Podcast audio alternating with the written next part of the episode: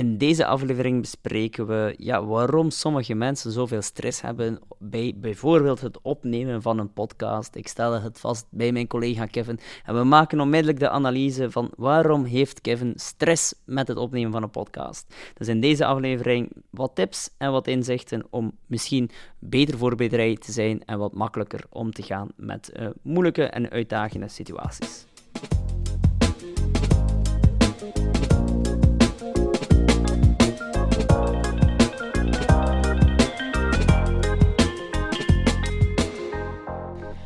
Bon, we zitten hier al aan take 7 ondertussen. Reinhard, hoe komt dat nu dat ik constant zoveel stress heb als ik een podcast moet opnemen? Want ja, ik, ik, ik ben de wanhoop nabij. Ja, het is uh, sowieso goed voor mijn uh, training geduld. Uh, maar uh, het is wel een feit, Kevin, dat je soms wat stress hebt he, voor deze mm, podcast. Inderdaad. Terwijl we hier maar met drie mensen zitten, Robin, jijzelf en ik. Um, en dat uiteindelijk je ook voorbereid bent. Maar het, er, ja, twee zaken viel mij op. En vandaar dat we eigenlijk wel onvoorbereid deze podcast opnemen, omdat ik dat even jouw gedrag geanalyseerd heb, Kevin. Hoe komt het nu in godsnaam dat jij voor een goed voorbereidende opdracht nog zoveel stress hebt in een kleinere ik hoop, uh, comfortabelere, comfortabele setting. Ik denk dat, dat, dat jij last hebt van twee, twee psychologische effecten. De eerste, Kevin, is het spotlight-effect. Oké. En het spotlight-effect is, uh, is een, eigenlijk een uh, soort van vertekening dat je, of ja, denkfout, en dat je bepaalde negatieve elementen van jezelf zoals een spotlight, dat je daar extra aandacht aan geven. Herkenbaar misschien voor de luisteraars is, je, je hebt een puist ergens je, op je gezicht en dan, dan, dan ja, kijk je ochtends in de spiegel en dan denk je van, wat voor vulkaan van Etna is hier, hier staat er hier op ontploffen op mijn neus. Hè. Terwijl voor heel veel mensen, ah, die gaan dat misschien zien, maar die gaan daar met moeite wel aandacht aan, aan spenderen. En dat is eigenlijk het spotlight effect. En ik heb al vastgesteld bij jou, Kevin, dat je, dat je, ja, je, je start een podcast bijvoorbeeld je bent goed bezig en dan heb je hmm. één keer um gezegd en dan denk je, oh, om het in jouw woorden te zeggen, shit, ik heb nu uh, opnieuw, oh fuck, ja. uh, opnieuw. Um, dus, en dat is het, dat is het spotlight effect. Het is omdat je denkt van, oké, okay, ik heb nu één iets, niet 100% misschien um, televisie of radioproof mm -hmm. gezegd.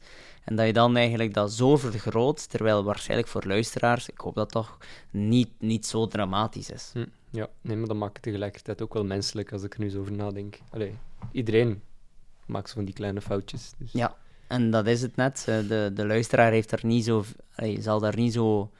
Ze zullen je niet neersabelen uh, omdat je eens een verkeerd woordje zegt. Mm. Robin knikt van wel, maar, maar dat zegt misschien meer over Robin dan over de luisteraars. maar uh, ja, dat is inderdaad, dat maakt het je menselijk. Mm -hmm.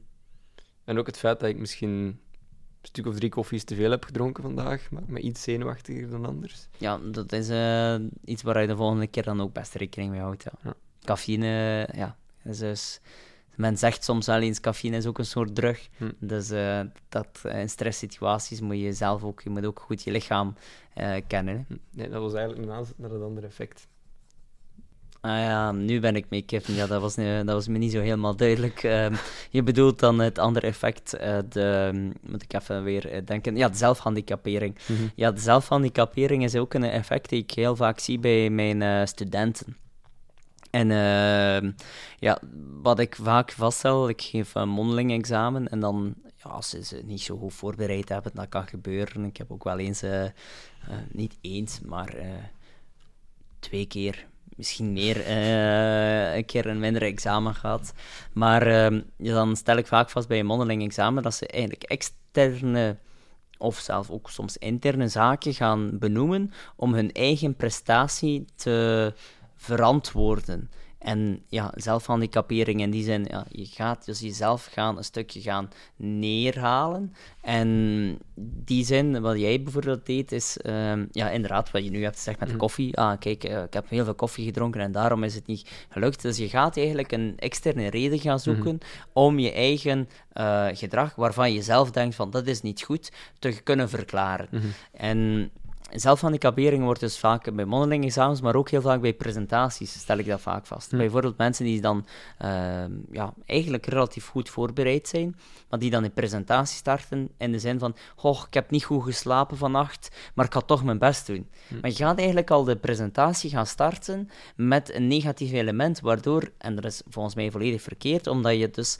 ervoor gaat zorgen dat mensen ook al met een negatieve bril naar jou gaan Ja. kijken. Maar je gaat eigenlijk gaan zeggen van, ja, is niet goed. Dus je Mhm. gaat eigenlijk al tegen de mensen, of ik ben niet goed voorbereid, en gaat dus al tegen de mensen gaan zeggen, verwacht je maar aan iets slecht.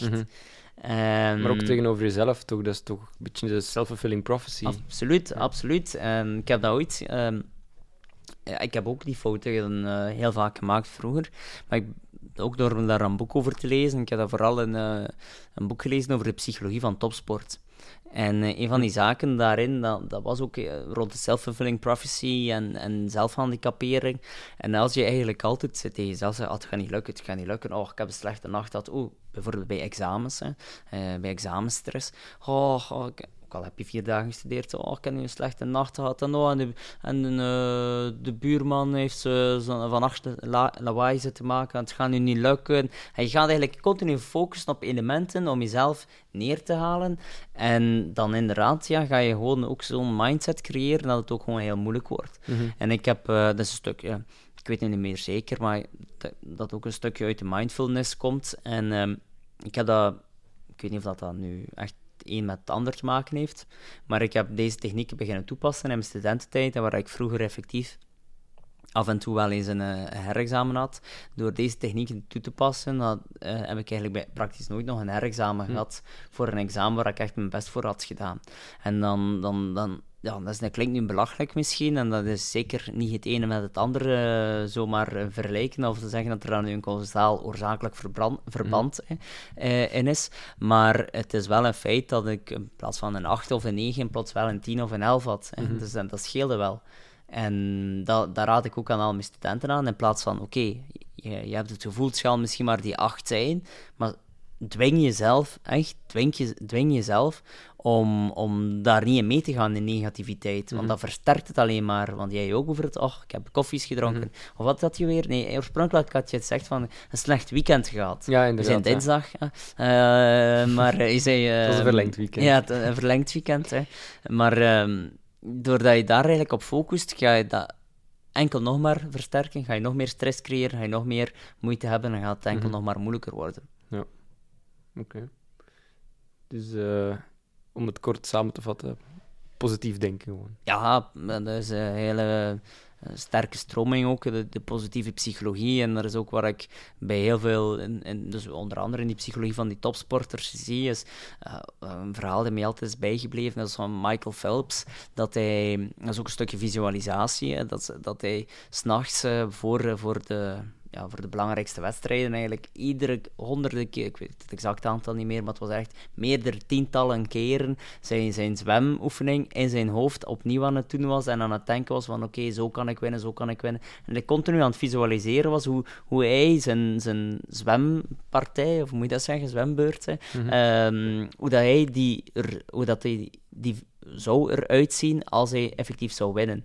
Zelfs bij een Cancellara was ook zo'n verhaal, dacht ik dat hij eh, ja, zo aan het visualiseren was, zo, maar niet in een negatieve zin, van wat kan allemaal fout lopen, maar in een positieve zin. Hoe zal het eruit zien als ik ga winnen? En dat, is, eh, ja, dat zijn een paar trucken om die zelfhandicapering, om dus dat, dat spotlight-effect tegen te gaan. Ja, dat, dat ken ik wel. Eh, Vanuit ja, mijn, mijn, mijn vrije tijd dan, als ik met muziek bezig ben, dan ben ik wel zo daarmee bezig.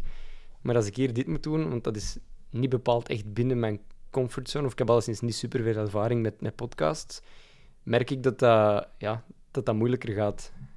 Ja, de comfortzone is de, is de painzone, hè. Mhm. maar het is ook de leerzone. Ja. eh, of de groeizone.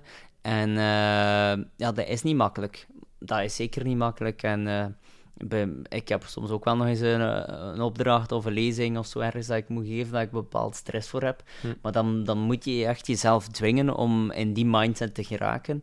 En moet je gewoon proberen alle negatieve denkfouten en, ja, die er zijn, die proberen eh, ja, uit te schakelen. En het helpt het helpt als je daarvan bewust bent. Mhm. En het helpt als je weet van wat het spotlight effect is. Het helpt als je weet wat, het, wat, een, ehm, ja, wat dus de zelfhandicapering is. En eenmaal je dat weet, hè, dan, dan kan je dat ook veel sneller uitschakelen en dat een plaats geven en daar op een andere manier mee omgaan. Hm, Oké.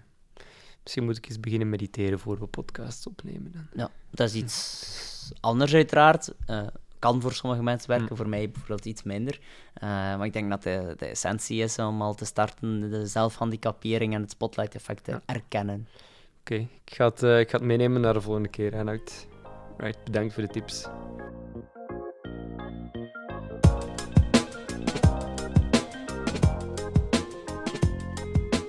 Voortaan weten jullie wat te doen, waar je moet opletten, zelfhandicapering, spotlight effect. Hopelijk kunnen jullie er jullie ding mee doen. En alvast heel veel inspiratie en tot de volgende aflevering.